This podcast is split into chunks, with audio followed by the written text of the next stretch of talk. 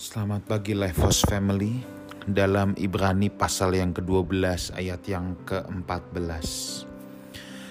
Firman Tuhan menyatakan bahwa begini, berusahalah hidup damai dengan semua orang dan kejarlah kekudusan sebab tanpa kekudusan tidak seorang pun akan melihat Tuhan. Dalam terjemahan Inggris gini, make every effort to live in peace with all men and to be holy. Without holiness, no one will see the Lord. Make every effort. Berarti Alkitab mengajarkan kita untuk berusaha, berjuang dalam setiap usaha, dalam setiap kesempatan untuk kita bisa hidup berdamai. Saudara, tidak ada cara lain selain kita bisa hidup berdamai dengan orang lain selain gini, kita mengalah kita mau mendahulukan kepentingan orang lain di atas kepentingan kita sendiri. Orang egois tidak pernah disukai oleh orang lain. Orang egois selalu mementingkan dirinya sendiri dan susah untuk hidup dalam damai, sebab dia menempatkan dirinya lebih penting daripada yang lain. Tetapi ketika seseorang belajar untuk menempatkan kepentingan orang lain, kepentingan orang banyak di atas kepentingan dirinya sendiri, maka itulah pintu untuk menuju hidup damai.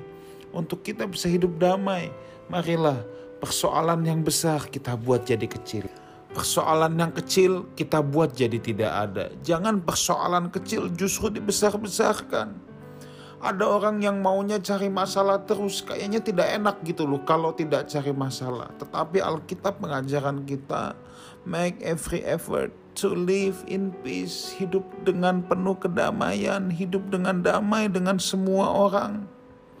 To all men, hidup damai itu bukan hanya kepada orang-orang yang kita hormati, bukan hanya kepada orang-orang yang kita anggap sekasta atau selevel dengan kita, tetapi Alkitab berkata dengan semua orang.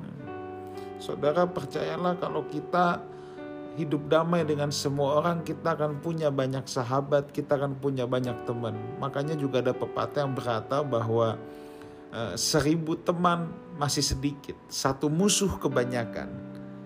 Nah, berusahalah hidup damai dan seharusnya kita bukan hanya hidup damai, tetapi kita yang membawa damai itu, saudaraku. Kita yang membawa damai itu. Sebagaimana Kristus datang ke dunia membawa damai, seharusnya kita membawa damai ke dalam dunia. Kehadiran kita bukan justru menjadi pertentangan, kehadiran kita justru membawa angin sejuk. Di mana pun kita berada dalam sebuah kumpulan, harusnya kehadiran kita membawa kasih Tuhan, membawa kehangatan. Jangan sampai orang kalau kita datang lalu semuanya langsung ketakutan dan berpikir, waduh ini biang kerok datang lagi nih. Wah, saudaraku yang kekasih dalam Tuhan, saya percaya bahwa kita semua dipanggil untuk jadi berkat dan kita pasti bisa membawa terang Kristus sebab kitalah surat Kristus yang terbuka. Kita yang diciptakan segambar dan serupa dengan Tuhan sudah sepantasnya kita yang menjadi gambar Tuhan untuk dunia ini. Biarlah lewat hidup kita orang boleh menikmati Kristus. Lewat hidup kita orang boleh menikmati damai sejahtera Kristus. Dan di ayat ini juga diteruskan dengan dan kejarlah kekudusan. Tanpa kekudusan tidak seorang pun akan melihat Tuhan. Saudara, Alkitab juga mengingatkan kita mengejar kekudusan. Berarti secara aktif itu hal yang harus kita upayakan. Jadi yang kita perlu upayakan adalah berdamai, menjadi damai sejahtera bagi banyak orang dan mengejar kekudusan. Kekudusan hal yang harus diusahakan tidak bisa datang secara otomatis, saudaraku. Tetapi itu hal yang harus diusahakan. Kenapa? Tanpa kekudusan, tidak seorang pun melihat Tuhan.